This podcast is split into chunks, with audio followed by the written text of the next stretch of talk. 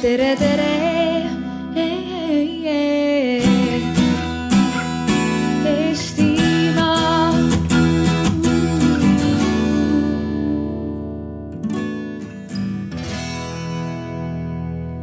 Tere hommikust, tore, et siin on natukene meil publikut ka varahommikul ja mina pean ütlema, et see on minu esimene arvamusfestival. nii et ma päris protokollist äh, väga teadlik ei ole, aga minu poolest te võite ka vahele kommenteerida ja oma küsimusi esitada, kui teil selleks tahtmine tuleb, et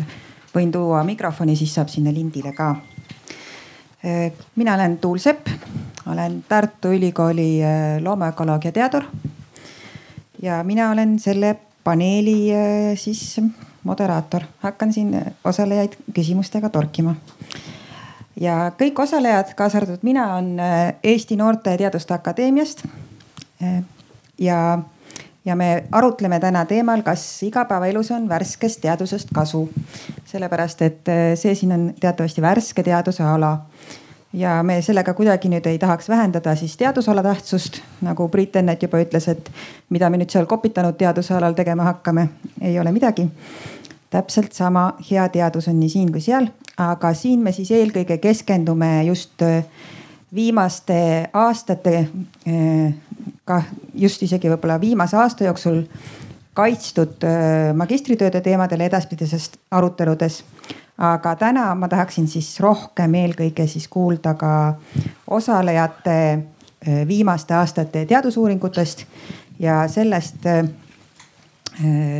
kuidas siis sellise kõige uuema teaduse rakendamine igapäevaelus üldse võimalik on. Eh, sellepärast, et seoses eh, teaduse rahastamise teemaga, mida eh, Noorteteaduste Akadeemiaga püüab jätkuvalt pildis hoida, võib kerkida üles küsimus just selle kohta, et, et mis sellest teaduse rahastamist ikkagi igapäevaelus parem, kasu on, kuidas see inimeste elu paremaks muudab ja mikspärast peetakse siis teaduse rahastamist investeeringuks. ja, ja kui palju siis see, et me praegu teadust rahastame rohkem, kui palju see meie elu siis lähiaastatel võiks paremaks muuta või on see selline pika viiteajaga investeering? meil on siin äh, Eesti noored tippteadlased äh, väga laiast erialade valikust. Äh, kõigepealt siis Maarjo Kadastik, Keemilise Bioloogilise Füüsika Instituudi teadusdirektor erialaks on osakeste füüsika. siis on meil Katrin Tiidenberg, Tallinna Ülikooli dotsent. Äh, tema eriala on sotsiaalmeedia ja visuaalkultuur. siis on meil Marju Raju, Eesti Muusika- ja Teatriakadeemia teadur, kelle eriala on muusikateadus. ja öö, äh, seal otsas istub Ester Aras, kes on Tartu Ülikooli vanemteadur ja erialaks arheoloogia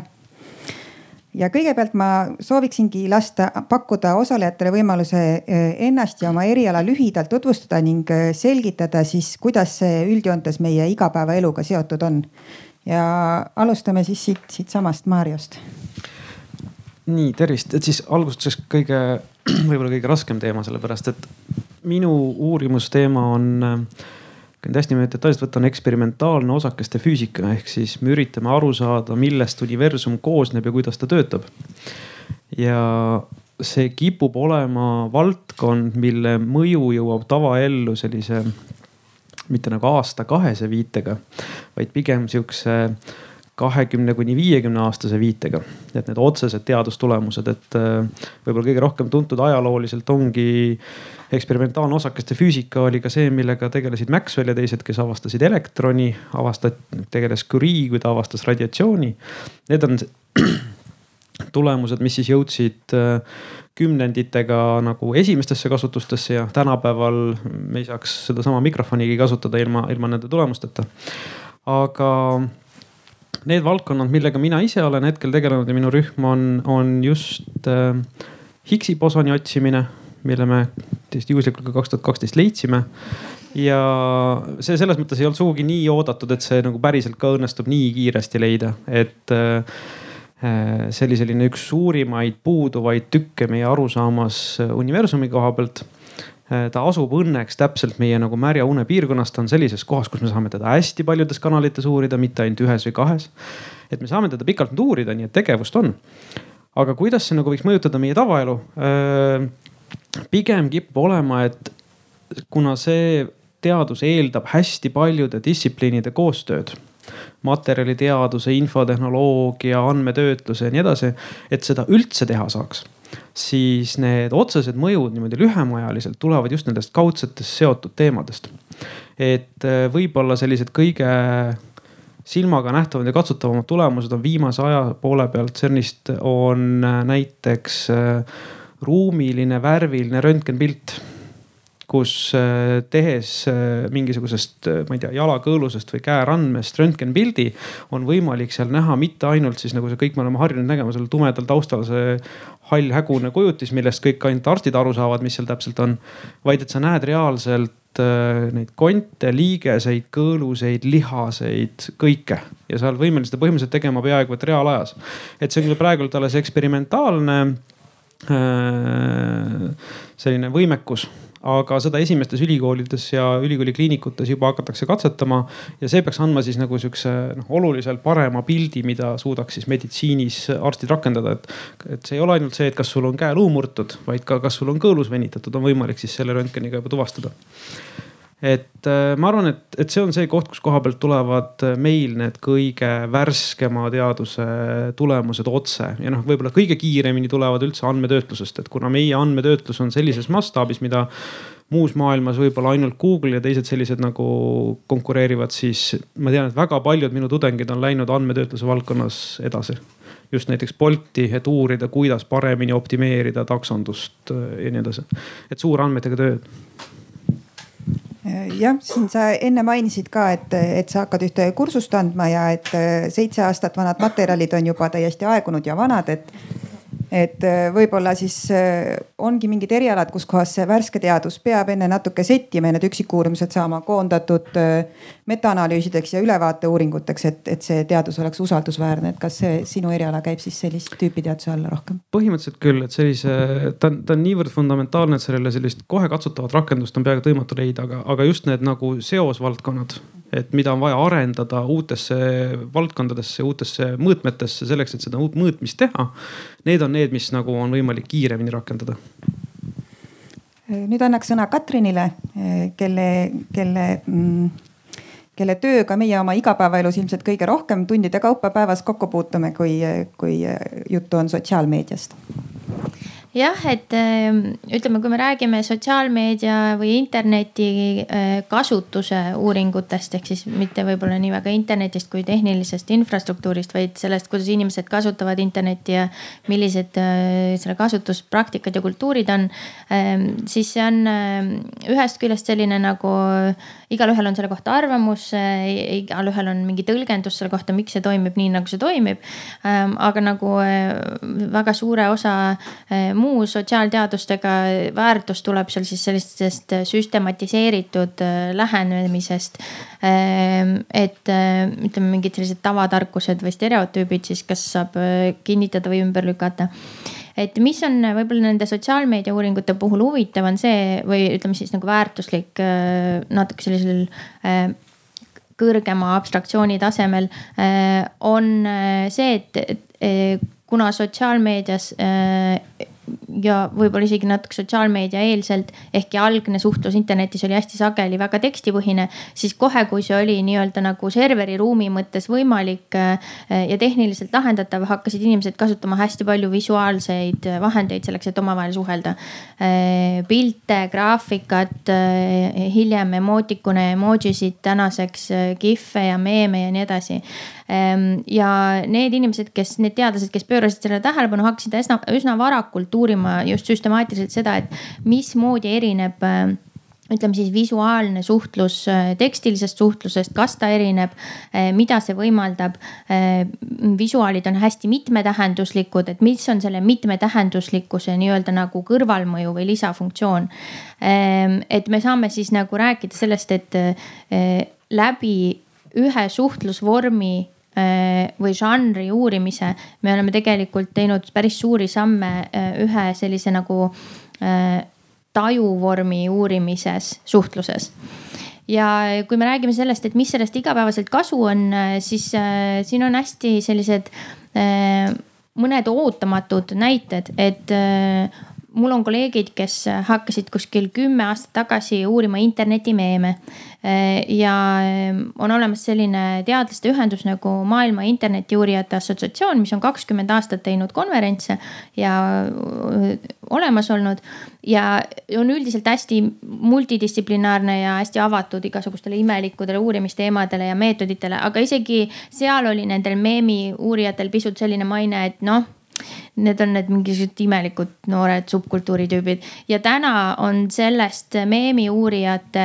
kümneaastasest tööst tohutu suur kasu selleks, et mõista, kuidas eh, liigub interneti vahendusel populistlik sõnum, ükskõik milline äärmuslus. Eh, ja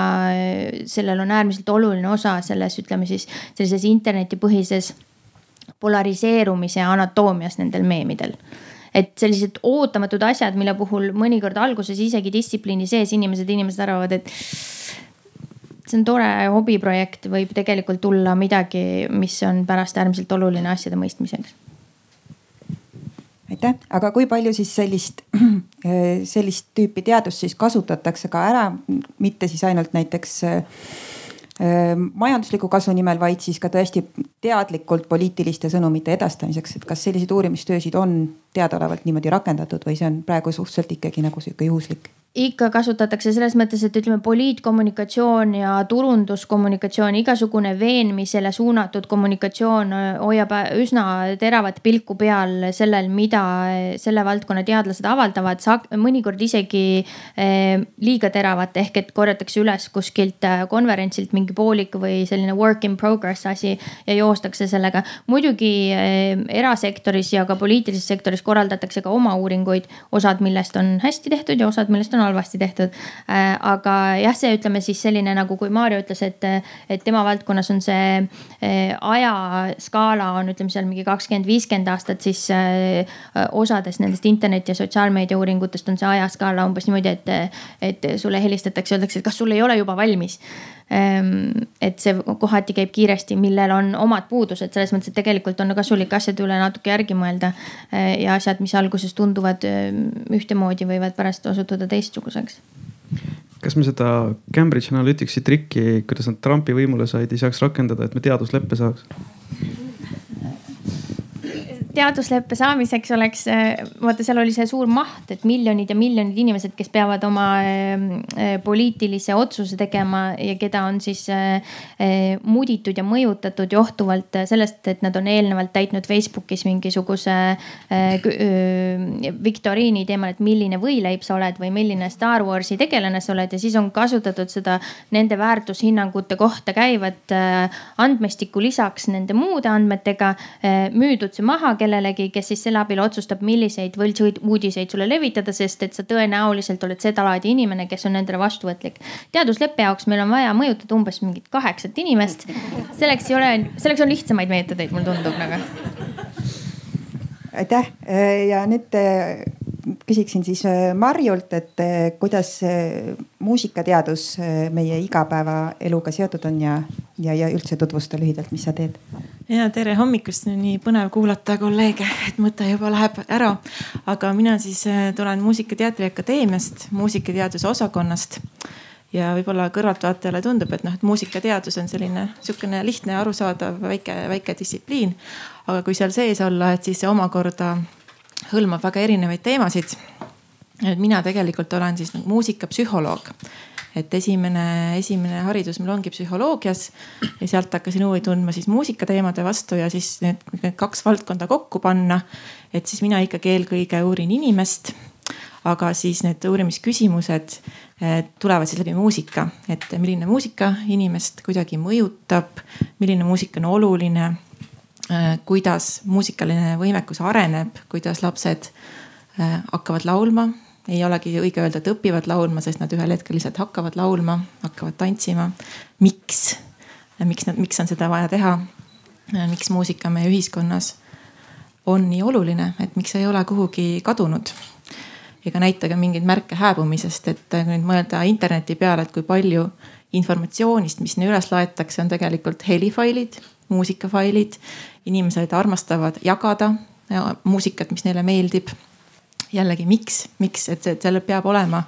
lisaks sellisele meelelahutuselikule ka ja ka muid palju sügavamaid põhjuseid. aga minu kolleegid Muusikaakadeemias tegelevad veel ka teiste teemadega. näiteks uurivad ajalugu, muusika ajalugu, muusikainstitutsioonide ajalugu, heliloojate, interpreetide, dirigentide elulugusid nende kunstilisi nägemusi, kuidas on erinevaid teoseid interpreteeritud, esitatud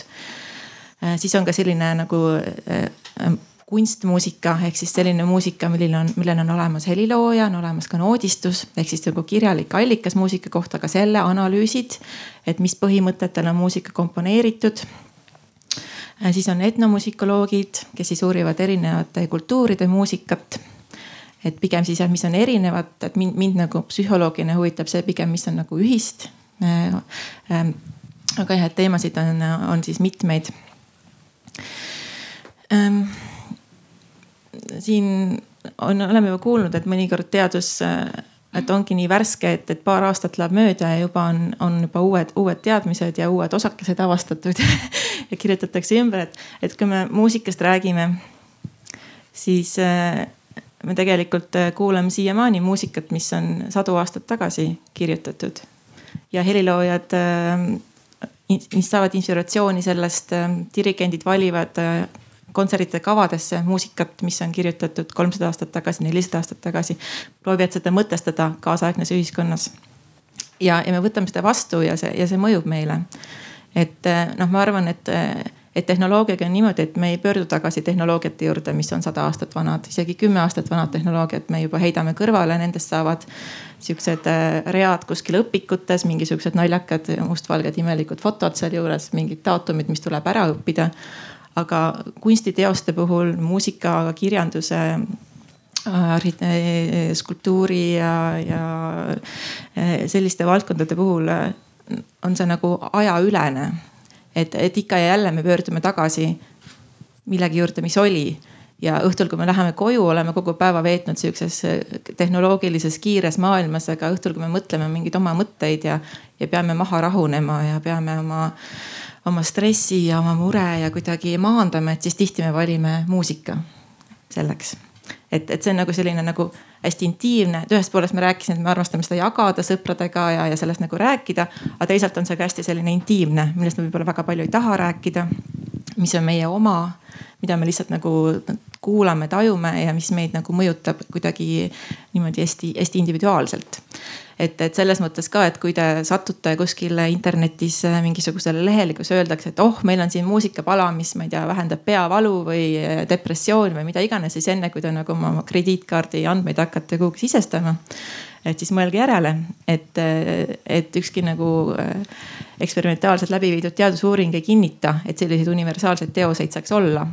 et muusika puhul on see nagu personaalmeditsiin, mis tuleb timmida meie oma,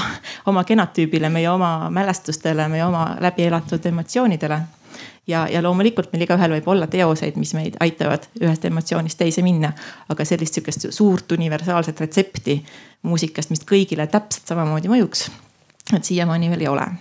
Et noh, et, et see, et see teos, mis peaks vähendama teie peavalu, võib mõjuda, aga suure tõenäosusega pigem mitte. et, et ärge laske ennast nagu petta, et te olete ise võib-olla ikkagi parem ekspert selle jaoks eh, teada, mis muusika teile mõjub. ja kui teil ei ole, et siis muusika, eh, muusikapsühholoogia selline praktiline rakendus on tegelikult eh, muusikateraapiana olemas et siis sobib inimestele, kellel on näiteks just raskusi hakata kohe psühholoogi kabinetis endast pikalt-laialt rääkima. et siis muusika on seal selline nagu abistav vahend, mis aitab siis jõuda jõuda selliste äh, keeruliste, keeruliste situatsioonideni, mis tuleks nagu läbi arutada ja muusika abil saab siis neid asju nagu lihtsamini teha oli veel mingi küsimus, ma juba hakkasin heietama. Igalt laialt et mulle, mulle see muusika äh, nagu selline ajaloolises või evolutsioonilises mõttes on väga huvitav teema, sest ma ise olen evolutsioonibioloog. et äh, mulle ikka tundub, et see on nagu välja kujunenud kui siis äh, ikkagi selline grupieluviisiga loomade ühtekuuluvuse tunde rõhutamise meetod või vahend ja, ja kui me nüüd oleme üksi kodus ja me tahame muusikat panna selleks, et meil oleks hea olla, siis see tähendab, et tegelikult ikkagi see inimese loomake väga üksi olla ei taha. ta kasvõi selle võltsmeetodiga tekitab tunde, et ta on kellegiga koos ja, ja me laulame koos, isegi kui sa laulad oma Maciga või oma selle Spotify'ga kaasa, siis, siis sa nagu teeskled enda sellisele evolutsioonilise ahvi enda sees, et, et sa oled tegelikult grupi sees, et võib-olla sellise individuaalsuse ajastul see muutub järjest, järjest enam oluliseks, see muusika kuulamine ja sellest osa saamine. nojah, ega nagu täpselt ju mitte keegi ei tea, sest äh, äh, heli salvestamise vahendid sellest, kuidas muusika on kõlanud, ei ole üldse mitte nii vanad. no kirjalikke allikaid muusikate kohta on rohkem instrumente, mis on säilinud on ka, aga see kõik näitab, et muusika ikkagi on, on üsna, üsna vana inimkonna juures, et ta on äh, ilmunud umbes samal ajal kui keel. Aga on mitmeid hüpoteese, et, et mis, mis see siis nagu täpselt on. Ja, ja, ja on ka nagu keeleteadlasi, kes väga radikaalselt väidavad, et muusika on nagu selline keele kõrvalprodukt, et pigem nagu sihuke magustoit meie kõrvadele, nagu cheesecake äh, hüpotees on selle kohta aga, aga noh, muusikateadlaste, teadlastele need mõtted muidugi eriti peale ei lähe, et on et, et, et üks ongi, mis sa ütlesid, grupi kuuluvuse, et et tekitada sellist ühtset, ühtset grupikuuluvuse tunnet, aga ka lihtsalt nagu ka grupina mingisuguseid tegevusi sünkroniseerida muusikasaatel on palju lihtsam. et, et seda ju praktiliselt kasutatakse siiamaani näiteks sõjaväes et kohustuslik on laulda rivilaule ja, ja see tekitab sellist, et see on lihtne astuda ühte jalga ja lihtne ka oma mõtteid mõtteid ühele, ühele suunale saada ja lihtsam ka nagu selle situatsiooniga all, harjuda siis loomulikult on äh, partneri valiku hüpotees, et äh, muusika abil läbi tantsu, läbi kauni lauluhääle siis võimalikku partnerit enda suunas meelitada, et, et see, see siiamaani, et pange nagu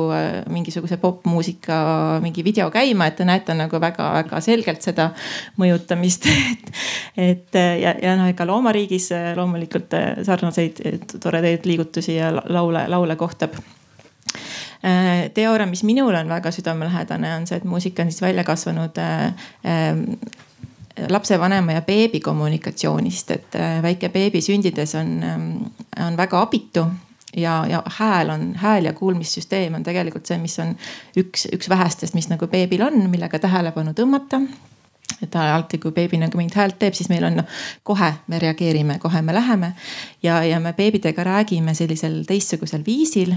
nagu siukse ninnu näinutades, niimoodi nunnutades ja nii, et meie hääl automaatselt äh, läheb kõrgemaks. Äh, me valime sellised ähm, võib-olla nagu lihtsamad keelendid, me kasutame palju kordusi, hästi positiivselt, ka negatiivsetest asjadest, mingist pahandustest me räägime sellise häälega lapsega. et see on selline automaatne, et see lülitub sisse, lülitub seestel nii naistel kui meestel.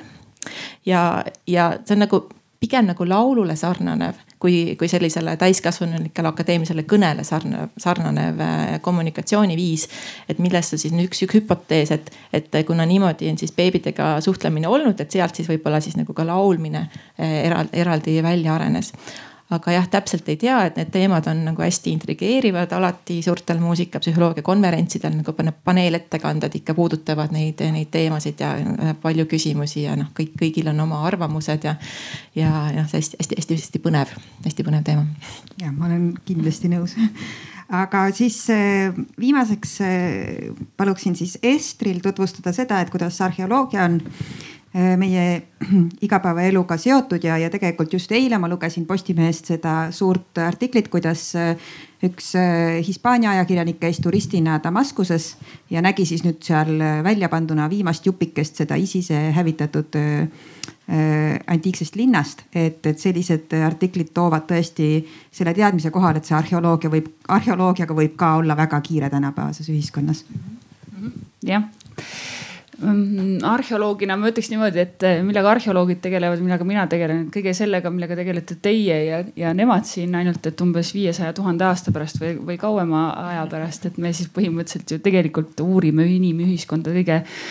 kõige laiemalt ja, ja just see mineviku teema tihtipeale tekitabki inimestes sellise tunde või küsimuse, et noh, aga mis siis sellest nagu mul praegu kasu on, et minevik on olnud ja, ja nii edasi. praegu just hakkasin mõtlema Marjut kuulates ja siin neid teaduslepingu teemasid, et võib-olla peaks lauldes laulva revolutsiooni tegema, et oma teaduslepingut saada ja ühte protsenti kätte, et proovime seda, et me õpime minevikust, eks ole et ma ise tegelikult spetsiifilisemalt äh, tegelen sellise asjaga nagu mineviku toidukultuuri uuringud ja, ja püüan tegelikult siduda loodusteaduslikke meetodeid ja, ja, ja sihukest mineviku materiaalset kultuuri, erinevaid esemeid ja objekte. Ja, ja tegelikult ma praegu olengi hoopis analüütilises keemias otsapidi, aga noh hingelt ja ihult ikkagi arheoloog. Äh, aga nüüd selle juurde, et mis sellest kõigest tänapäeval kasu on, siis ma arvan, et me kõik äh, kuidagi tunneme ennast äh, natukene puudutatuna, kui küsitakse, et, et kes sa oled ja kust sa tuled et see üks hästi lai küsimus ja kohati nagu ma ütleks, ma ise tunnen lömastav küsimus on siis seesama, et, et kustkohast me oleme pärit. Et kes minevikku ei mäleta, elab tulevikuta ja nii edasi ja nii edasi. ja tegelikult noh, kui me räägime nüüd viimase aja uuringutest, siis, siis näiteks seesama niinimetatud etnogeneesi teema ehk siis tõepoolest, kuskohast eestlased on pärit, kui vanad me oleme, kui, kui vana on meie keel. et, et see siin viimase mm, ütleme paar aastat tagasi, aastagi tagasi professor Valter Lang avaldas sellest suisa raamatu Läänemere Soome tulemised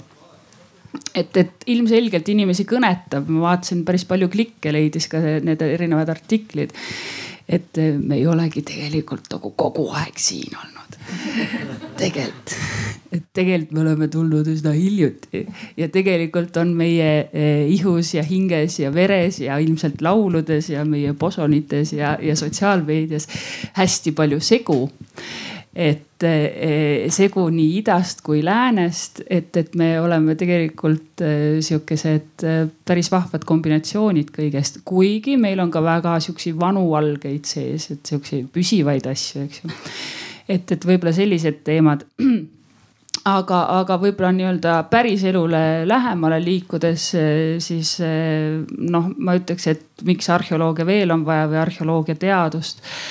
et eh, noh, ehitame teid ja, ja maju ja, ja siis on meil selline tore asutus või üksus nagu Muinsuskaitseamet, kes käsib spetsialistide abi kasutada selleks, et tihtipeale on juba varem mitmed sajad või tuhanded aastad tagasi sellel samal paigal keegi elanud või midagi teinud ja et siis seda ehitustööd ei, ei peatataks, siis on vaja seal teostada arheoloogilised uuringud, eks ju, et kui me tahame kiiresti oma uude korterisse sisse saada, siis on vaja ju arheolooge, kes selle töö ennem ära teeksid ja vaataksid, mis seal siis toimunud on. sealt omakorda ma toon sellesama Tivoli äh, laevavrakkide ja seal oli uus arendus hoonetega Tallinnas äh,, kus siis leiti need äh, vahvad keskaegsed laevavrakid, mis on üsnagi unikaalsed ja haruldased, üks neist uputati uputati merre tagasi, aga teine ongi nüüd äh, Meremuuseumi püsiekspositsiooni osa kuhu me sealt jõuame tegelikult on see, et meie uurimustööde ja, ja, ja täpsemalt ühest küljest küll kaevetööde ja, ja, ja arheoloogiliste uuringute, aga ka siis spetsiifiliste teadusanalüüside tulemusel me jõuame selleni, et meil on mingisugune väga-väga äge objekt millega me kõik, mis meid huvitab, näiteks mida nemad seal sõid selle laeva peal, kuidas see laevaelu käis, mida nad vedasid, kuhu nad vedasid, kellega nad suhtlesid ja nii edasi ja nii edasi, kolm ja neli, viissada aastat tagasi, seitsesada aastat tagasi aga me jõuame ka sinna, et sellest saab väga kihvt turismiobjekt, mis äh, nüüd õnnestub seda juba panna nii-öelda rahalisse väärtusesse, mis toob siia kohale inimesi vaatama, maksma pileti eest, majutuma ja nii edasi, nii edasi noh, et kui meil ei oleks arheoloogiat või ja ütleme etnoloogiat ja ajalooteadusi, võib-olla meil ei oleks ERM-i. kui meil ei oleks ERM-i, siis meil ei oleks Metallica ilmselt tulnud siia. et, et noh, et seda kõike saab, eks ju niimoodi või noh, saab ja peabki, et mina olen küll seda meelt, et, et ka minevikuga tegelevad teadlased mm, peavad tõesti teadlikult eh, te, te, looma neid seoseid tänapäeva eluga et, et ja ma arvan, et seda on täiesti võimalik teha, et muidu öeldakse, et ja et seal sotsiaalmeediat, siin me näeme otsest seost või, või võib-olla isegi see Higgsi boson ja nii edasi. et, et me näeme, et ma ei tea, GPS-süsteemid või mis iganes mingid asjad, noh, mis sellest kõigest nagu otseselt või kaude arenevad, aga noh, minevik, noh, see on ikka seesama, see lömastav teema. ei ole, et ei ole ja noh, minu enda väike unistus on see seoses toidukultuuri uuringutega et ma tahaks mm, nii mõnegi eh, iidse sordi nii-öelda jälle au sisse tõsta ja võib-olla natukene aidata inimestel eh, mõelda selle peale eh,, kust nende toidulaud pärit on eh, ja miks ta mingil moel kahju, kahjulik või kasulik neile võib olla. Eh, ja kuidas see toidulaua kujunemine tegelikult on meid näiteks kasvõi geneetiliselt äh, muutnud, me võime siin rääkida laktoositaluvusest või talumatusest ja nii edasi ja nii edasi, et tegelikult need asjad on kõik äh,, kõik omavahel seotud. ehk siis ma arvan, et, et kõige, kõige laiemas mõttes minevikust on lihtsalt väga-väga palju õppida. Eh, nendest vigadest ja nendest õigetest otsustest, eh, millest me saame ka tänapäeval eh, lähtuda ja võib-olla siis paremaid otsuseid teha. aitäh ja kuna mulle öeldi, et, et kõik, kui ma siin oma, oma teemasid põrgatasin Noorte Teaduste Akadeemia listis, siis öeldi, et liiga vähe intriigi, et me oleme kõik väga ühel nõul. et teadus on vajalik ja kasulik, siis ma küsingi sellise natuke võib-olla teravama küsimuse, ma küll ei kardan, et ega me siin tülli ikka ei lähe. aga, aga minu küsimus oleks siis, et milliseid erialasid, millised erialad on igapäevaelu jaoks kõige vajalikumad või, ja millised on kõige tihedamalt siis äh, igapäevaeluga seotud, et mina kui loodusteadlane, ma olen ikkagi harjunud mõtlema, et mina uurin seda elu, mis on päris, mis on loodus. Aga reaalselt ma näen oma, oma sõpru, kes on majandusteadlased, kes on juristid, keda tegelikult on inimestel palju rohkem vaja kui siis, kui siis minu evolutsioonibioloogiat ja, ja pigem tundubki nii, et kui äh, üks eriala, mida ülikoolis õpetatakse, on väga tihedalt äh, igapäevaeluga seotud, siis on sellel isegi raske teadust teha, sest et need andekad inimesed võetakse sealt ülikoolist juba ammu enne seda ära, kui nad üldse doktorantuurigi jõuavad, et näiteks ka meil Noorteteaduste Akadeemiasse äh, ei ole lihtne leida nagu äh, juriste, majandusteadlasi ja nii edasi, sellepärast et neid lihtsalt jurist, väga hea jurist meil nüüd on, et, et see meil vedas, aga, aga üldiselt on eh, nendes valdkondades teadust, mis on igapäevaeluga väga tihedalt seotud, võib-olla teadust ikkagi raske teha, sellepärast et eh, teadus nõuab aega ja süvenemist ja, ja mujalt võib-olla on tulemas eh, hõlpsam, hõlpsam kas kasu ühiskonnale või vähemalt hõlpsam is, tasu isiklikus plaanis, et, et mis teie, teie arvamus selle koha pealt on, et kas Äh, humanitaarerialad, sotsiaalteadused, loodusteadused, et, et millised erialad on üldse igapäevaeluks kõige vajalikumad? Äh, no selles mõttes, et see on, kõik sõltub nagu sellest ajamastaabist, mida vaadata, on ju, et kui äh, kui nüüd äh, võtta hästi lühikest ajamastaapi on ju, siis, siis Katrin tõenäoliselt on meil siin kõige praegult asjalikum, sellepärast et äh, äh, see, kuidas inimesed nagu aktiivselt sotsiaalselt suhtlevad, seda on, kuidas seda interpreteerida ja mõjutada, see on tõenäoliselt asi, mida poliitikutel on vaja suhteliselt kohe. Aga kui me vaatame nüüd ütleme ühiskonda üldisemalt lühikeses perspektiivis, siis noh, tõenäoliselt mis päris arvestatavat osa puudutab, on igasugused meditsiiniuuringud, on ju, mis on sellised asjad, mida inimesed väga tunnevad, et see on asi, mis on vajalik. Äh, see isegi ma ei tea, kas keskmine eestlane peaks nagu juristi väga oluliseks või mitte. Äh, see on nüüd, kui nüüd natuke intriigi tõmmata. Äh, et kas nagu arendada seadusi kuidagi ühes suunas või teises suunas, et samamoodi ka, ka täpselt see ajaloo uurimine ja, ja, ja muusika uurimine ja võib-olla fundamentaalfüüsika uurimine, need on sellised, mis on pigem nagu asjad, et neid võib-olla ei ole niimoodi kohe homme vaja, võib-olla ei ole isegi ühe aasta pärast sa ei tunne kohe, kui sa selle nagu ära lõpetad. aga kui sa seda ei tee, siis jõuab sul ühiskond varem või hiljem mingisse stagnatsiooni et sa, sa tavaliselt kipud sellisel juhul nagu ammendama, sest meil on igal ajahetkel, kui me võtame suvalise hetke nagu täna ja, ja lõpetame mingisugused näiteks alusuuringute osa ära, siis tegelikult seal rakendusuuringutel ja veel paljudes asjades on tükk aega uurida. sellepärast, et meil on alati nagu seda puhvrit, see kõik käib nagu sihuke kihiliselt on ju ja mida, mida madalamal sa midagi uut tood, siis see, selle pro progresseerumine ülesse võtab aega. et kui sa selle alumise kihi ära jätad, siis noh, võibki tekkida illusioon, et, et polnudki vaja. kümme aastat veel saab igast asju arendada. aga kui sa seda ei tee, siis kümne aasta pärast või kahekümne aasta pärast saabud sa olukorda, kus ongi noh, tead, teadus on valmis, et noh. füüsikas on olnud vähemalt kaks korda olukord, kus on oldud nagu olukorras, et tundub, et vist saime hakkama. et äh, kõik on teada et äh, see vist kõige dramaatilisemalt oli vahetult enne, ühesõnaga kahekümnenda sajandi alguses, vahetult enne kvantfüüsika avastamist. et paar üksikut protsessi olid, mis nagu ei läinud hästi kokku, kõik ülejäänud sai Newtoni mehaanika ja gravitatsiooniteooriaga ära seletada, kõik läks ilm imehästi kokku. pomme sai lasta õhku ja asju sai lennutada, maju sai ehitada, kõiki asju sai teha aga siis tulid mingid paar tüütut protsessi, mis no ei olnud võimalik seletada. ja siis, kui see nagu lahti avanes, siis sealt tuli meil välja kogu elektroonika, tuumafüüsika, radioloogia, noh kogu tänapäevane tehnoloogia tegelikult, et, et see illusioon võib tekkida ja, ja sama kehtib, ma arvan ka. ja, ja, ja need ei tulnud rakendusuuringutest, et, et see on nagu äh, ma arvan aspekt, et, tegelikult praktikas äh, teadus kui selline on üleüldine ühiskond edasiviiv osa, et vahet pole, mis osa sellest teadusest, et kuidas see on nüüd. Investeering teadusesse ei ole investeering infrasse, see ei ole asi, et me ehitame laboreid, see on, see on investeering inimestesse, targematesse inimestesse, mõtlevatesse inimestesse. ükskõik, mis valdkonnas see on, see, ma tean ka seda, et äh, tuumauuringutest on tulnud välja keeleõppeprogramm, et noh, see, see ei ole asi, mida sa ette näed ja mind alati ärritab see, et peab mõtlema nii rakenduslikult.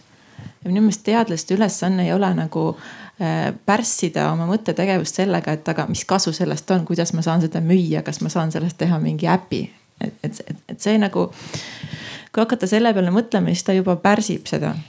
et ma isegi tunnen mõnikord nagu ei, ei tohi isegi lasta olemasolevatest uurimismeetoditest ennast pärssida, sest kui on nagu mingi idee siis vajadusel saab alati arendada meetodeid või kasu, laenata meetodeid kuskilt teisest valdkonnast, teha koostööd teiste, teistkonna valdkondade teadlastega. et muusikapsühholoogia on hästi interdistsiplinaarne et põhimõtteliselt ongi, et lihtsalt ei olegi võimalik leida inimest, kes oleks nii tark igas valdkonnas. et kui sa tead muusikast ja psühholoogiast, siis kindlasti sa ei tea piisavalt palju keeleteadusest või kindlasti sa ei tea piisavalt palju äh, üldajaloost või kindlasti sa ei tea piisavalt palju äh, mingisugusest ähm, äh, semiootikast või, või, või muudest asjadest, et selline valdkondade ülene koostöö viib tegelikult minu meelest uute, uute lahendusteni. ja, ja see tähendab, et, et oma uurimisküsimuste püstitamises, oma, oma mõttes ma saan olla nagu vaba kui me kogu aeg peame mõtlema sellele, et mis kasu sellest me saame, mitte eurot see tagasi toob. et minu meelest need mõtted võiks jääda kellelegi teisele, teadlased võiks nagu vabastada sellest. et, et see ei tähenda, et mu inimest ei, ei suudaks teha väga ägedaid rakenduslikke asju, kindlasti saab. aga seda nagu ei tohiks panna selliseks kohustuslikuks lahtriks iga, igale pagana taotlusvormile, mida peab täitma. noh, et, et lihtsalt leiutada sinna mingist juttu, mis oleks nagu poliitiliselt korrektne, et, et võib-olla ka saame rakendada haridusteaduses, teeme noh, mingisuguseid no, aga tegelikult ju ei tea ja tegelikult, kui sa hakkad selle peale mõtlema, siis see võibki nagu pärssida kogu seda äh, vaba teaduslikku mõtet no mul on nagu siin sihuke tunne ka, et see, selle küsimuse vastus, sina alustasid sellest, et aja perspektiivist, et ma, ma mõtlen, et ka ajalises mõttes, aga natuke teistmoodi, et ehk siis, et milline on meie tuleviku nägemus. ja kui meie tuleviku nägemus on sellest, et äh, absoluutsest kliimakatastroofist lahutab meid äh, midagi väga väikest ja väga vähe aega on meil selleks, et äh, ennast sellest päästa, siis ilmselgelt prioriteetide hierarhias tuleb suunata kõik ressursid, nii ajulised kui riistvaralised kui rahalised eh, selle lahendamiseks. kui meil ei ole nii must väljavaade ja me eeldame, et kliimakatastroof on selline nagu semisuur probleem. Eh, siis me võime mõelda, et eh, okei okay,, et kas me näeme, et masinnärvivõrkude poolt suunatud automatiseeritud lahendused ehk siis inimkeeli ai ja robotid teevad ära suure hulga nendest eh, ülesannetest, mida teevad inimesed praegu. Eh, siis me peame suunama terve suure hulga ressursse sisuliselt sotsiaalteadustesse. sest majandusteadlased peavad välja mõtlema selle, kuidas maksta kinni universaalpalk ja sotsiaalteadlased ja psühholoogid peavad välja mõtlema, kuidas õpetada inimesed, kellel on kakssada aastat öeldud, et töö on see, mis lisab sulle väärtuse, et sinu nii-öelda nagu põhjus inimese. olemas olla olla on töö. kuidas siis öelda nendele inimestele nüüd, et aga sul ei ole tööd või? no aga see on okei okay. Äh, kui me arvame, et ka see ei ole meie hetkepakiline tulevik, vaid me arvame, et kõik liigub enam-vähem nii edasi nagu praegu, siis ma olen absoluutselt nõus nagu Eh, eelkõnelejatega ja noh, see on see, mida me oleme varasemalt öelnud oma nagu selles Eesti Noorte Teaduste Akadeemia baasuuringute sarjas, mis on see, et teadusinnovatsioon tuleb baasteadusest, ta ei tule rakendusuuringutest. rakendusuuringud on toredad, neid tuleb kindlasti teha. aga ma ei tea, internet on olemas mitte sellepärast, et keegi selle tellis ja see põhjus on selles, et rakendusuuringus on tellimuslik ja tellimus esitatakse olemasoleva teadmise põhjal, mis tähendab, et on alati vananenud ehk et kui me tahame nagu innovatsiooni, siis seda ei saa ette tellida, lihtsalt nii on. lihtsalt tooks siia selle ka, et üks hästi äh, klassikaline argument on see, et Eesti on väike et miks peaks Eestis tegelema alusuuringutega. ma tean seda oma käest väga hästi, seda küsitakse väga tihti, et, et miks peaks tegelema mingisuguse tuumauuringutega Eestis. et äh, Eesti on nii väike, meil ei ole endal sellest mitte mingit kasu aga ma võin öelda, et enamus teadusrühmasid maailmas on kui suured? keskmiselt ikkagi jah, alla kümne, nad on, see varieerub viis kuni kümme inimest, vahest on natuke suuremad, vahest natukene väiksemad, aga see on paar mingisugust tips, tippteadlast, postdoc'id, tudengid, ehk see tegelikult on selline väike hierarhia. vahet ei ole kas see rühm asub sul Tallinnas või Cambridge'is või, või Berkeley's on ju. natukene sõltub sellest, et kui palju sul on vabadust, palju sul laboreid on ja palju sul on tarku päid läheduses aga see just ongi selle nagu point, et kui nagu teadusesse ei investeeri nagu kõikides valdkondades, siis sul ei ole neid tarku päid läheduses. ja siis sa peadki minema mujale neid tarku päid otsima. aga innovatsiooni on Eestis ka tegelikult väga palju ära tehtud, et kui me võtame, minu meelest on alati sihuke tore paradoks, et öeldakse, et Eesti on väike, meil ei ole mõtet teha alusteadust. Aga Eesti on suurepärane IT-riik, mis on näide, näide maailmas, kuidas asju saab ära teha need on üks sama asi. et noh, kui me selle saime ära teha, siis miks me neid muid asju ei peaks saama teha. et eh, ma saan täiesti aru, et me ei hakka siia nagu homme ehitama mingisugust eksperimentaalset kiirendit ega, ega eksperimentaalset tuumajaama, on ju. Need on suured kapitaliinvesteeringud ja neid tehakse ka mujal maailmas koostööna. Eh, enamus asju ehitatakse sihuke peaaegu et kõikide riikide koostööna aga, aga see ei tähenda, et tegelikult nagu kõike ei saaks uurida ka siin ja see ei tähenda, et me ei võiks olla mingis valdkonnas totaalselt esirinnas. kusjuures me oleme mitmes valdkonnas olnud, et me oleme seda päris palju ka juba olnud, et noh, see ajaloos on piisavalt palju näiteid, kus eestlased on just need, kes on midagi uut välja mõelnud ja see on läinud üldkasutusse pärast. et äh, see mentaliteet, et Eesti on väike, on, on tegelikult vale, et Eesti on väga suur. Eriti tänapäeva maailmas, kus maailm on väike, eks ole. Et äh, ma võib-olla tahtsin veel natukene laiendada seda, et äh, kui Tuul küsis, et need humanitaarteadused, loodusteadused, täppisteadused, mida siis nagu rohkem vaja on tänapäeval või millest rohkem kasu on, siis mulle lihtsalt nagu hästi meeldib selline ma arvan, et see on inimgeograafide sihukene, ma ei tea, metafoor või lähenemine, kes ütlevad, et vaadake, palju teie kodulinnas on laste mänguväljakuid et selle järgi saab hinnata, ütleme siis ühiskonna või selle kogukonna nihukest elutervidust. ja ma arvan, et samamoodi on see, et, et jah, et meil on, eks ju, teed ja majad ja, ja juristid ja nii edasi ja nii edasi. ja meil on nutiseadmed, aga et siis on meil ka keel ja kultuur ja minevikutaju ja, ja, ja muusika. et, et see, kui elavad hästi ka need nii-öelda ähm, pehmemad teadused või siuksed hingelisemad teadused võib-olla.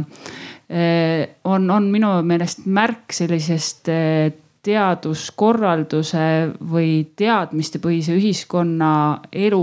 tervidusest või tervisest lai, nagu kõige laiemas ja kitsamas mõttes.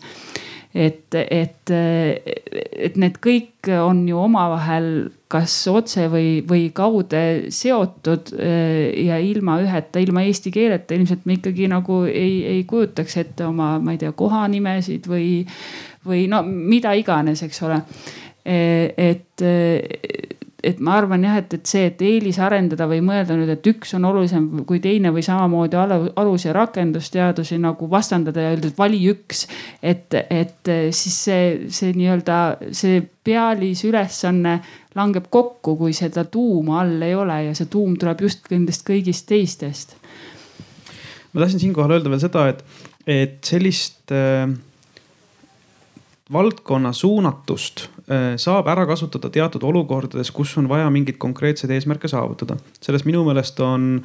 parim näide ajalooliselt üldse on see, mis toimus viiskümmend aastat tagasi. ehk siis kui Kennedy suur announcement, et enne kui see dekaad läbi saab, astub inimene kuule ja tuleb sealt edukalt tagasi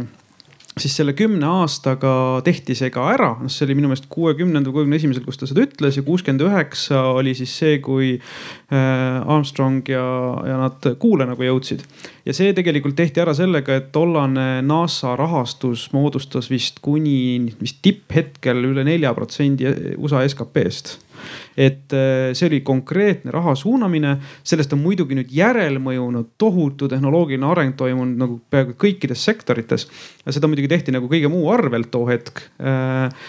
aga äh, olukorras, kus näiteks Eesti on hetkel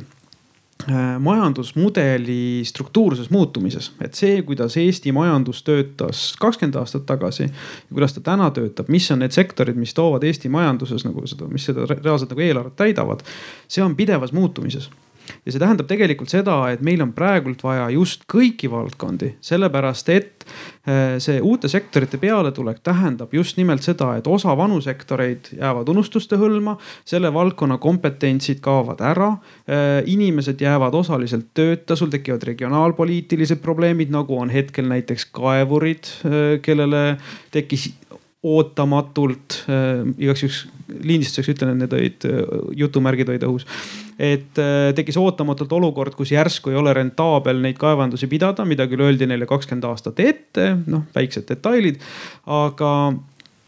et sellises olukorras on sul vaja just nimelt neid kõiki valdkondi, sul on vaja äh, sotsiaaltöö äh, pealt, sul on vaja mõelda, kuidas inimeste tööhõivet muuta, kuidas hakkama saada nende psühholoogiliste probleemidega, mis tekivad suurest tööpuudusest, terve regiooni äh, näiteks sellest, et inimesed kolivad sealt ära äh,. kuidas saada hakkama sellega, et kogu ühiskond liigub järjest rohkem elektroonseks, kõik sellised mured, need puudutavad absoluutselt kõiki sektoreid korraga, et seetõttu sellises olukorras mina väga hästi ei näe, et selline suunamine hästi töötaks, sellepärast et meil tegelikult ei ole enamasti öeldakse niimoodi, et teadusesse pandud raha tuleb tagasi alati mitmekordselt, aga sa pole kunagi kindel, kust et eh, noh, ma ütlen, mul on ilmekas näide sellest, et investeeringud fundamentaalfüüsikasse ehk eksperimentaalse osakasse füüsikasse viisid selleni, et vaene Mait, kes pidi CERN-is olema, eh, mõtles, et, õpib ära prantsuse keele, otsustas alla tõmmata kõikide filmide supakad inglise ja prantsuse keeles ja rakendas sedasama Higgsi bosoni filtreerimise algoritmi siis suppa, supakatele. arendas seda natukene ja tänaseks on sellest saanud lingvist ta juba ammu ei tegele tuumafüüsikaga, vaid selle asemel tegeleb, eh, kuidas paremini tegeleda keeleõppega ja nende järgmised programmid pro, probleemid on üldse rakendada sedasama masinõpet, kuidas paremini õppida, mitte nüüd keelt, vaid üleüldse. noh, järgmine samm on neil matemaatika, mis on ka mõnes mõttes nagu keel. ja see on nagu koht, kus riik investeeris konkreetselt eksperimentaalsesse osakeste füüsikasse. aga see return on tulnud investeeringutena keeleõppesse aga kas ta pole öelnud, et eesti keele kohta ei ole rentaabel arendada seda, et on praegu ainult prantsuse? Eesti keele kohta ta ei ole rentaabel arendada, aga näiteks juba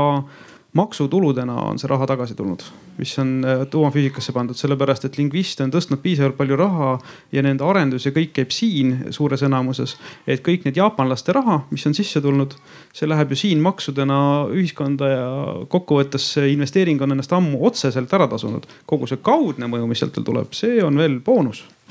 kusjuures see tõstatab hea küsimuse, millest me oleme vähe rääkinud, et me oleme rääkinud äh, nii-öelda nagu äh, teaduslikest, kas siis ütleme avastustest või leidudest või tõlgendustest, maailma tõlgendustest ehk siis nii-öelda tulemustest ja sisulistest tulemustest. aga tegelikult kõikidele nende asjadeni jõutakse mingite meetoditega ja teadlased, erinevate distsipliinide teadlased tegelevad hästi palju äh, meetodi arendusega viimasel ajal minu meelest aina rohkem ja rohkem tänu sellele, et on nii palju interdistsiplinaarsust, et sul ongi vaja õppida rääkima nagu ütleme siis ajaloolasel, eh, muusikateadlasel ja psühholoogil omavahel, kes eh, ütleme siis sada viiskümmend aastat tagasi kasutasid erinevaid meetodeid ja olid epistemoloogiliselt niivõrd erineval arusaamal sellest, et mis on tõde ja kas midagi on võimalik mõõta või mitte. et me peame õppima omavahel rääkima, sellest tekib hästi palju uusi lahendusi, pluss siis see nagu kõrgendatud arvutuslik võimendus, võimekus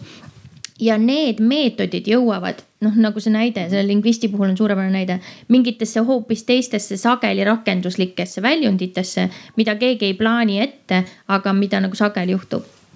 Jah, ma tahaks, ma tahaks näha seda poliitikut, kes oleks seda trikki ette näinud. jah, tellin sihukese äpi, keeleõppeäpi, aga see ei oleks tulnud selline, eks ju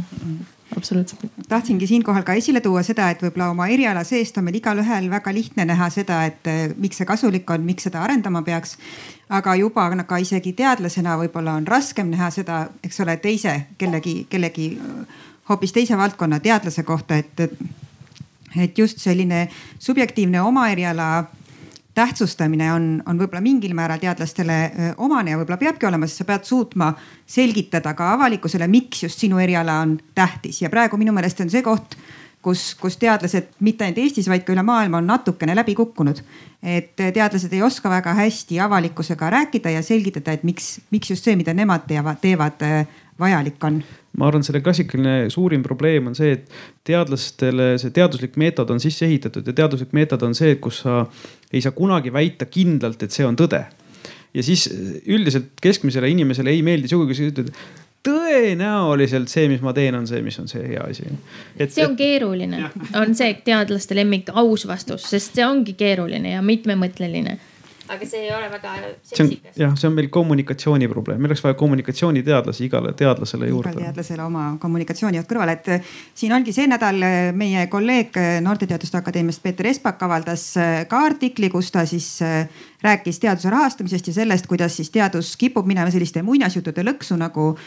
nagu insuliini lüpsev lehm, mis on siis näide sellest, et kuidas tõesti teadlased püüavad avalikkuse jaoks teha nagu puust ja punaseks selgeks, et mis sellest kasu on, mis nad teevad. aga kui nüüd kümne aasta pärast seda lehma seal laudas ei ole, et siis kas nüüd on see teadus läbi kukkunud või me jätame tähelepanuta kõik need meetodid ja, ja, ja, ja ka näiteks ka negatiivsed äh, tulemused, millest äh, väga palju on võimalik õppida, mis selle teaduse tulemusena äh, selle teadustöö tulemusena, selle teadustöö rahastamise tulemusena ikkagi lisandusid ja, ja mulle meeldis ka seal see mm, selles Peeter Espaku arvamusartiklis see hästi välja tulev subjektiivsus, kus ta tõi välja, et, et jah, näed, see insuliinilehm oli täielik läbikukkumine, aga ja, ja muinasjuttu ei tohiks teha, aga et samal ajal on suur traagika, et me oleme kaotamas egüptoloogiat äh, Tartu Ülikoolist, et, et inimesed näevad seda tähtsust eelkõige oma valdkonna kohta ja, ja võib-olla see kõrval, kõrvalvaldkonnad tunduvadki siis rohkem selliste jah, muinasjuttude ehitamisena või, või siis sellise mm, ebaolulistena. aga, aga siit Marju tõi juba esile selle lahtrite täitmise, millega teadlased viimasel ajal väga aktuaalselt seotud on ja, ja, ja Ester tõi välja selle tähtsuse Eestile. ja, ja neid kokku viies mul olekski järgmine küsimus selle kohta, et, et kõik, kes meist on kirjutanud Eesti teadusgrante, teavad, et seal on väga olulise äh, hindamisväärtusega lahter, mille nimi on tähtsus Eestile. ehk siis see on muutumas võtmeargumendiks eh, teadusgrantide jagamisel. ja, ja ma tahaksingi kuulda teie arvamust, et, et kas tähtsus Eestile peaks olema võtmeargument Eesti teadusrahastuse jagamisel ja kui keeruline on just eh, sinu erialal seda tähtsust Eestile näidata. ja, ja sama, samuti, et kas just see Eestile keskendumine, kas, kas see on selline noh, lõpuks annab ju igast asjast midagi välja pigistada. aga, aga et kas see on siis selline leiutatud või sa tõepoolest nüüd mõtled ja kujundad oma projekti nii, et see tõepoolest ka Eestile kasu tooks. ja kas see Eestile keskendumine vähendab või suurendab sinu teadustöö olulisust äh, maailma mastaabis. ja teisalt, kas tippteadus võiks Eestile kasu tuua ka kaudselt, isegi siis, kui need teemad pole Eesti uurimise ja Eesti igapäevaeluga seotud, et ma palusin siin näiteid, aga sa juba selle lingvisti näite põhimõtteliselt tõid mm. -hmm. Aga... Äh, see on hästi pikk küsimus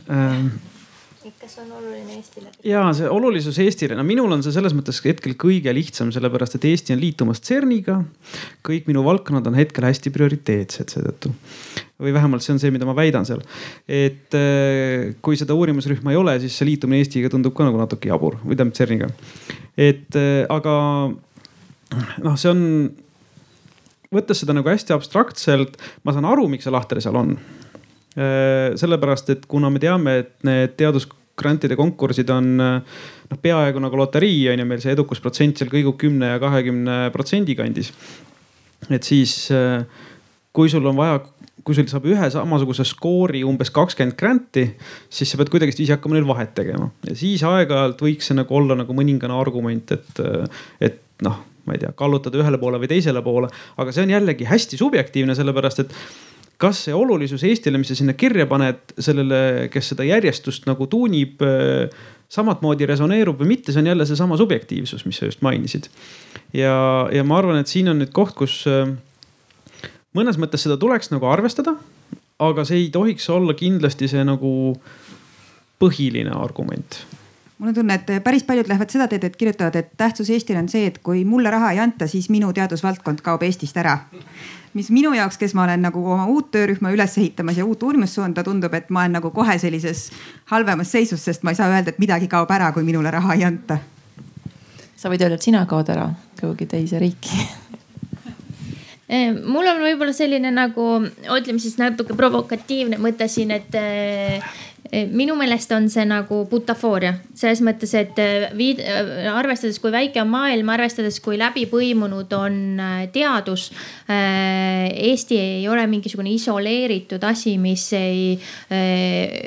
mis, mida ei mõjuta muu maailmas toimuv. ükskõik, kas me räägime, ma ei tea, rahavoogude liikumisest, kliimast, haigusepideemiatest, et me ei ole nagu mingi mulli sees et äh, jah, seda võib küsida, jah, on hea, et sa sunnid teadlase selle läbi mõtlema, aga sellel ei tohiks olla mingi eriti suur kaal selles rahastamises. sest noh, näiteks minu teema, sotsiaalmeedia, interneti uurimine inter,, kuidas inimesed ja miks internetti kasutavad. Mõistlik uurimisküsimus väga suurel hulgal hetkedest ei ole Eesti-põhine, et sa uurid, kuidas ainult Eesti inimesed internetti kasutavad, sest needsamad Eesti inimesed kasutavad seda internetti koos kõikide teiste inimestega. selline riigile keskendumine on oluline võib-olla siis, kui sa teed äh, võrdlevat uuringut mingite erinevate riikide vahel, võtad neliteist riiki, aga seda Eesti riik nagunii kunagi kinni ei maksaks. Need on nagunii eurograndid. et äh, ja siis ütleme nii, et kui ma tean, et sellel on suur kaal, siis ma võiksin ju öelda, et okei okay,, ma teen oma uurimisküsimuse ümber ja väidan, et ma, ma küsin ainult eestlaste kohta. aga see on halvem uurimisküsimus kui see, kui ma lähen nii-öelda selle kultuuripõhiselt või praktikapõhiselt ja siis need eestlased, kes seal on sees, on seal sees ja need, ma ei tea, poolakad ja ameeriklased, kes on seal sees, on ka seal sees, et see on nagu selline kunstlik väljalõikamine, äh, millest ei ole, ei ole kasu, see ei ole hea ma arvan ka, et see äh, Eestile suunatus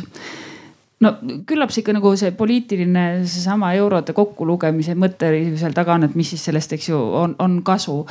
Äh, aga ma arvan, et et kõik teadlased nõustuvad või peaksid vähemasti nõustuma, et, et, et sa ei, sa ei tee regionaalset teadust selles mõttes, et kas vähemasti see uurimisküsimus, probleem või meetod või mida, midagi uut, mida sa sealt leiad. see peab olema laiendatav, sama hästi võiks ju noh, et miks me siis ei pane sinna sisse umbes, et kasulikkus Paidele või kasulikkus, ma ei tea, miks mitte Liivimaale või et, et, et, et, et teaduse tegemine on alati universaalsem, isegi kui sa uurid eesti keelt, on seal ju mingisugused teemad ja valdkonnad, mis laienevad, ma ei tea, komikeelele või no mis iganes. et, et, et et minu meelest ka see mm, noh, eriti tänapäeva maailmas, kus kõik hägustub, piirid, aeg ja ruum hägustuvad.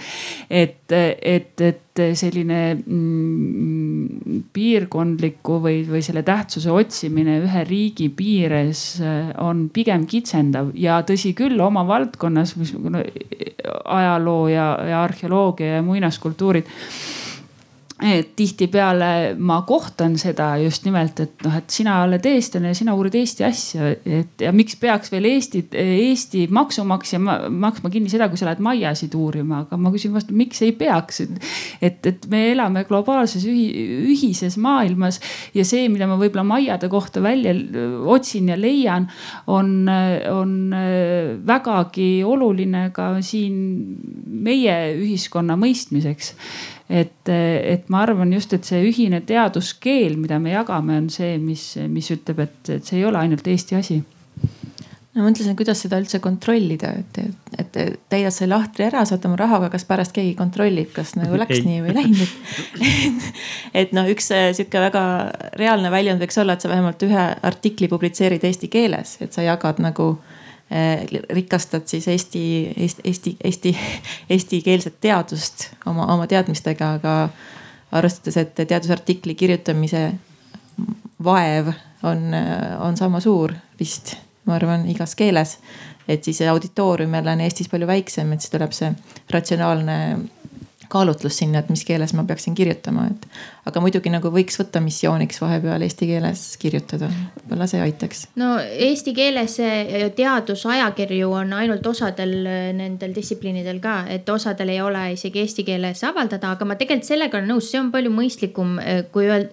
üritada siis nagu äh, hämada kokku sinna mingisugune äh, eeldatav olulisus on just see, et sa nagu noh panustad siis eh, kas teaduse populariseerimisele eesti keeles, et sa kirjutad populaarteaduslikke asju, mida kõik inimesed saavad lugeda. või kui on võimalik, siis neid eh, erialaseid asju, aga ma enne mõtlesin, kui eh, Ester rääkis, et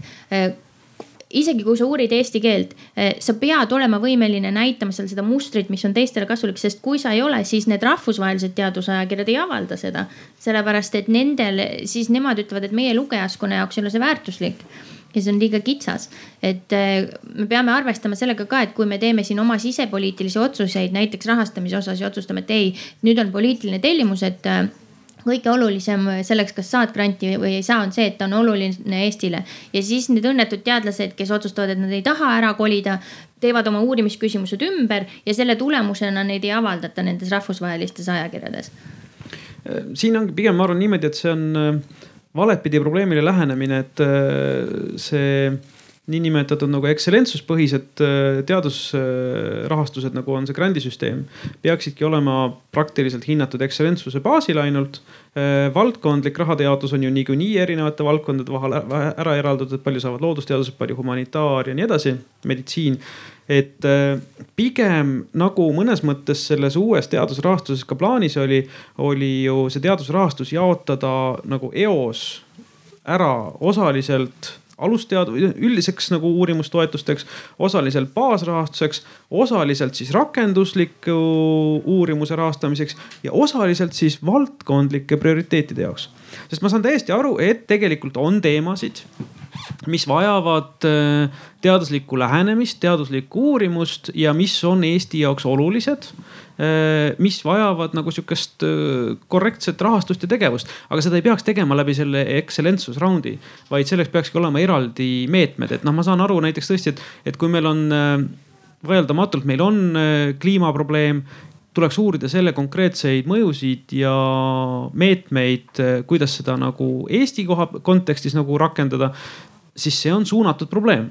ja see on suunatud, sellele peaks olema siis ka suunatud rahastus, et kui sa sinna teed taotlusvooru mingisuguse taotluse, siis see on tõesti teemastatud. ja see on tõesti oluline Eestile.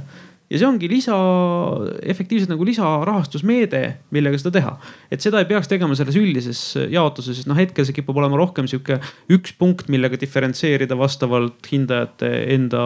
subjektiivsele arvamusele neid erinevaid taotluseid, et et need on sellised asjad, mida ma arvan, et võiks selles süsteemis reformida, aga igasugune reform eeldab, mida? raha. ma tahtsin öelda eelnevat analüüsi põhjalikult. seda ka jah vale vastus, raha on vaja sa seda analüüsi väga ei saa teha, kui sul ka ei ole raha, aga noh, tõsi, mõlemat on vaja. mulle tuli selle äh, Estrid äh, toodud näitega meelde üks teine tore lugu sellest, kuidas geenivaramu äh, üks juht äh, Mait Metspalu rääkis, et ta, nad leidsid väga huvitava tulemuse, et Eesti erinevate piirkondade inimesed on ikkagi geneetiliselt eristunud, et ongi olemas, eks ole, võrukesed ja on olemas mulgid ja on olemas saarlased ja sa näed seda nagu nende geeniandmete pealt ära. mis on minu meelest täiesti ootamatu, sellepärast et tänapäeval inimesed ikkagi liiguvad nii palju ringi. aga ta rääkis, et seda oli alguses, nad pidid väga kaua nuputama, et kuidas seda avaldada rahvusvahelises teadusajakirjas. aga lõpuks nad selle siiski avaldasid, selle, sellepärast nad said just äh, avaldada selle metoodika ja konkreetne tulemus oli siis lihtsalt selle metoodika rakendamise näide selle artikli juures. et mulle väga meeldib see idee, et, et tegelikult ükski asi, mida sa Eestis uurid, ei ole Eesti keskne, vaid see on tõesti rakendatav üle kogu maailma, mis tähendab, me jõuame siit jälle selleni, et teha teadust eesti keeles, teha, kirjutada doktoritöid eesti keeles, et see on, see on nagu äh, raiskamine, teadmiste raiskamine ja töö, meie töö raiskamine, sellepärast et äh, see, mida meie võiksime inspireerida mujal maailmas ja mida me võiksime mujalt maailmast jälle Eestile üle kanda, et see tegelikult ikkagi suurusjärkudes äh, suurendab meie potentsiaali just, aga ma arvan, mida me kindlasti nagu peaksime suurendama ja noh, mida me küll Entas ka teinud oleme, aga mida peaks üleüldiselt teadusrahastuses tegevustes nendest suurendama, on see, et igaüks peaks oma valdkonna tulemusi populariseerima eesti keeles meil peaks olema selleks konkreetsed äh, äh, meediakanalid, meediaväljaanded, asjad, mida inimesed reaalselt loevad, selleks peaks olema eraldi nagu tegevus, et tõesti neid teadusuuringute tulemusi, ka negatiivseid tulemusi, see on aspekt, mida väga tihti ära unustatakse. ka negatiivne tulemus on tulemus. minu meelest, kas Edison, kes ütles kunagi, et ma tean üheksasada üheksakümmend üheksa meetodit, kuidas mitte teha elektripirni et, äh, et see ka negatiivne tulemus on tegelikult väga tihti oluline tulemus, sellepärast et kui nüüd hästi nagu dramaatiliselt võtta, siis eh, noh, käsi püsti, kes on seda hiljutist Tšernobõli sarja vaadanud. umbes kolmandik, et eh, see oli väga õpetlik meetod, kuidas mitte ehitada tuumareaktorit et eh, kuigi noh, mis oli tegelikult, kes seda näinud on, selle, see on natuke spoiler alert, aga et selle põhiliseks, miks see mõju nii suur oli, oli see, et tollased operaatorid ei uskunud et sedasorti tuumajaam võib plahvatada ei olnud olemas teadmist, et see oleks olemas võimalik või igatahes tegelikult see teadmine oli olemas, aga see oli äh, ülemvõimu poolt klassifitseeritud, sest Vene tuumaenergeetika on ideaalne. et see on nagu näide sellest, kuidas äh, ühe koha teadmus mis oli Ameerikas ju tegelikult äh, juba paljud neist asjadest olid juba ämbrisse astutud. ei olnud teises kohas rakendatud ja tekkis tegelikult tohutu regionaalne mure ehk siis tegelikult nagu palun, Ukrainas on meil siiamaani suur regionaalne mure, sellepärast et ei kuulatud aspekte, mida oli uuritud kuskil kaugemal ja ei avaldatud seda oma koha peal. et see on see koht, kus koha peal seda peaks populariseerima ja tegelikult ka negatiivseid tulemusi, peab aru saama, et ka negatiivsed tulemused on tulemused ja aeg-ajalt palju, palju, palju olulisemad. no ma küsin siis mikrofoniga jah. no ma võtan nüüd sellest viimasest sõnasabast kinni no tegelikult ikka oleme ausad, see Tšernobõli katastroof oli ühe inimese eh, personaalne, isiklik eh, viga ja muud midagi. ja muidugi poliitiline süsteem aitas kaasa, aga ma tahtsin küsida hoopis seda, et, et, ehm, et eh, mis see teine valmis teadus oli kui Newtoni füüsika oli, oli esimene, mis see teine oli? aga mul on veel pärast küsimus äh, ma pean natuke meelde tuletama, aga minu meelest see suures osas äh, standardmudeliga tundus, noh, me ei, me ei olnud küll eksperimentaalselt veel ära tõestanud, sest ütleme, see standardmudel sai enam-vähem valmis kuuekümnendatel kuuskümmend neli või kuuskümmend kaks, kuuskümmend kolm olid siis, kui Higgs ja nad kirjutasid oma artiklid ja äh, näitasid ära, kuidas mass päritneb. see, see, et meil võttis aega viiskümmend aastat, et see pladiosak üles leida, see on nagu eraldi teema aga teooria kui selline on suuresti olnud muutumatu sellest ajast saadik. ja tükk aega tundus, et noh, sellega on enam-vähem asi seletatud, et ainuke asi, mis sinna juurde ei sobi, on gravitatsioon. et meil on olemas ilus suur üks teooria ja siis gravitatsioon siin kõrval aga isegi sellel oli mõningane seletus olemas. aga noh, tänaseks hetkeks oleme olukorras, kus me teame, et isegi kui see standardmudel tundub olevat täpselt nii, nagu me ennustasime see osak on täpselt selline, nagu me arvasime, käitub täpselt nii, nagu me arvasime, mis on iseenesest väga igav sest kui kõik läheb täpselt nii, nagu sa ennustasid, siis on igav ju, tahaks nagu seda, kõik me tahame intriigi. aga on olemas endiselt kohad, kus ta ei seleta asju ära ja seetõttu me teame, et tegelikult meie ideaalne teadmine, mis suudab ära seletada enamuse meie universumi käitumisest, on puudulik. aga igaühel on siis võimalik äh, ühe minuti jooksul äh, ütelda, et mis muutuks nüüd meie igapäevaelus, kui Eesti teaduse rahastamise päevapealt lõpetaks millal me näeksime muutusi ja kui tõsised need oleks ja mis juhtuks ja millal me näeme tulemusi, kui teadusrahastus siis päevapealt kahekordistaks, tataks? seda kõike ühe minutiga. ühe minutiga näekski just, et äh, ma arvan, et esimene koht, kus koha peal seda kõige rutem näeks, mis äh, võimendus koheselt, on õpetajate puudus. sellepärast, et äh, õpe, okei okay,, hetkel lihtsalt läheks paremaks, sellepärast et kui sul tööd enam ei ole, siis good point, et võib-olla läheks õpetajaks. me läheks kõik koolidesse. just, et, et korraks läheks paremaks, aga siis läheks väga ruttu halvemaks, sellepärast et pealekasvu ei oleks. sest üldjuhul ikkagi valdkondades saab õpetajaks õppida siis, kui sul on olemas selle valdkonna eksperdid ja selle valdkonna eksperdid üldiselt niisama ei viitsi seal passida. Nad tahavad ikka midagi muud ka teha, et teadus ja õpetamine käivad koos. kui teadus ära kaob, kaob ära ka õpetamine. ja kui rahastus kahekordistuks, siis äh, saaks juba tervelt kolmandik inimesi oma grandi. et, äh, aga kindlasti, mis võiks muutuda, on stabiilsus et inimesed ei jookse enam välismaale, sellepärast et praegult üheks suurimaks probleemiks on see, et väga raske on tudengeid hoida sellel teaduslikul teekonnal, sellepärast et äh, lihtsalt see ebastabiilsus, tõenäosus, et kas sul viie aasta pärast ka töökoht olemas on, on äärmiselt suur. Katrin no ega mul ei ole midagi väga tarka lisada selles mõttes, et ma arvan ka, et see, mis muutuks kiiresti, kui äh, igasugune teadusrahastus ära kaoks, eeldusel, et see ei kaoks ära teistes riikides maailmas, siis see tähendaks seda, et kõik läheks minema. teadlasel, ütleme siis edukal teadlasel või siis ütleme siis selle kõrge mõjufaktoriga oma tööd seni kvaliteetselt teinud teadlasel on hästi lihtne ära minna et sellest räägitakse hästi vähe. teadlase, eriti kuna see stabiilsus on madal ja mobiilsus on nagunii kõrge, siis see, see ütleme siis nagu tööpakkumiste hulk või see nagu ähm, ringlus on, on hästi kõrgeks läinud ja kogu aeg otsitakse kedagi. Need inimesed läheks lihtsalt minema, et äh, me võime siis rääkida sellest, et kui paljud nendest on, äh, ma ei tea, mingi lapse saamise eas või kui palju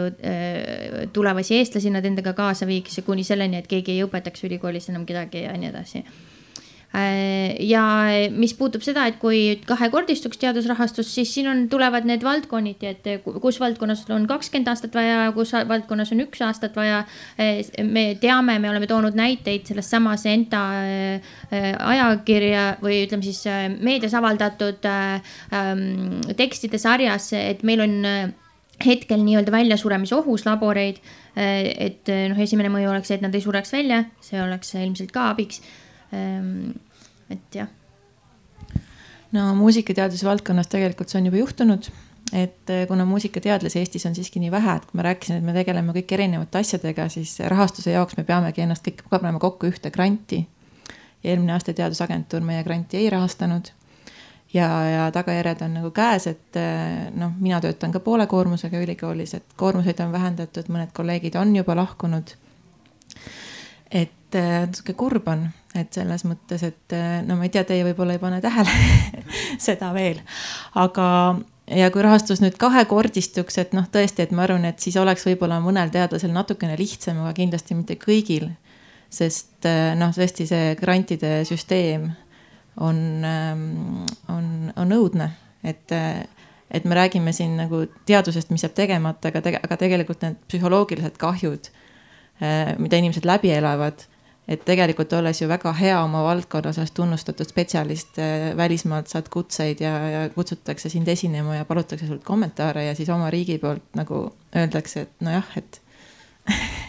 et sorry, et kolm punkti jäi puudu või et meil oli raha nii palju ja prioriteedid olid sellised, et. et äh, jah, jah, kahju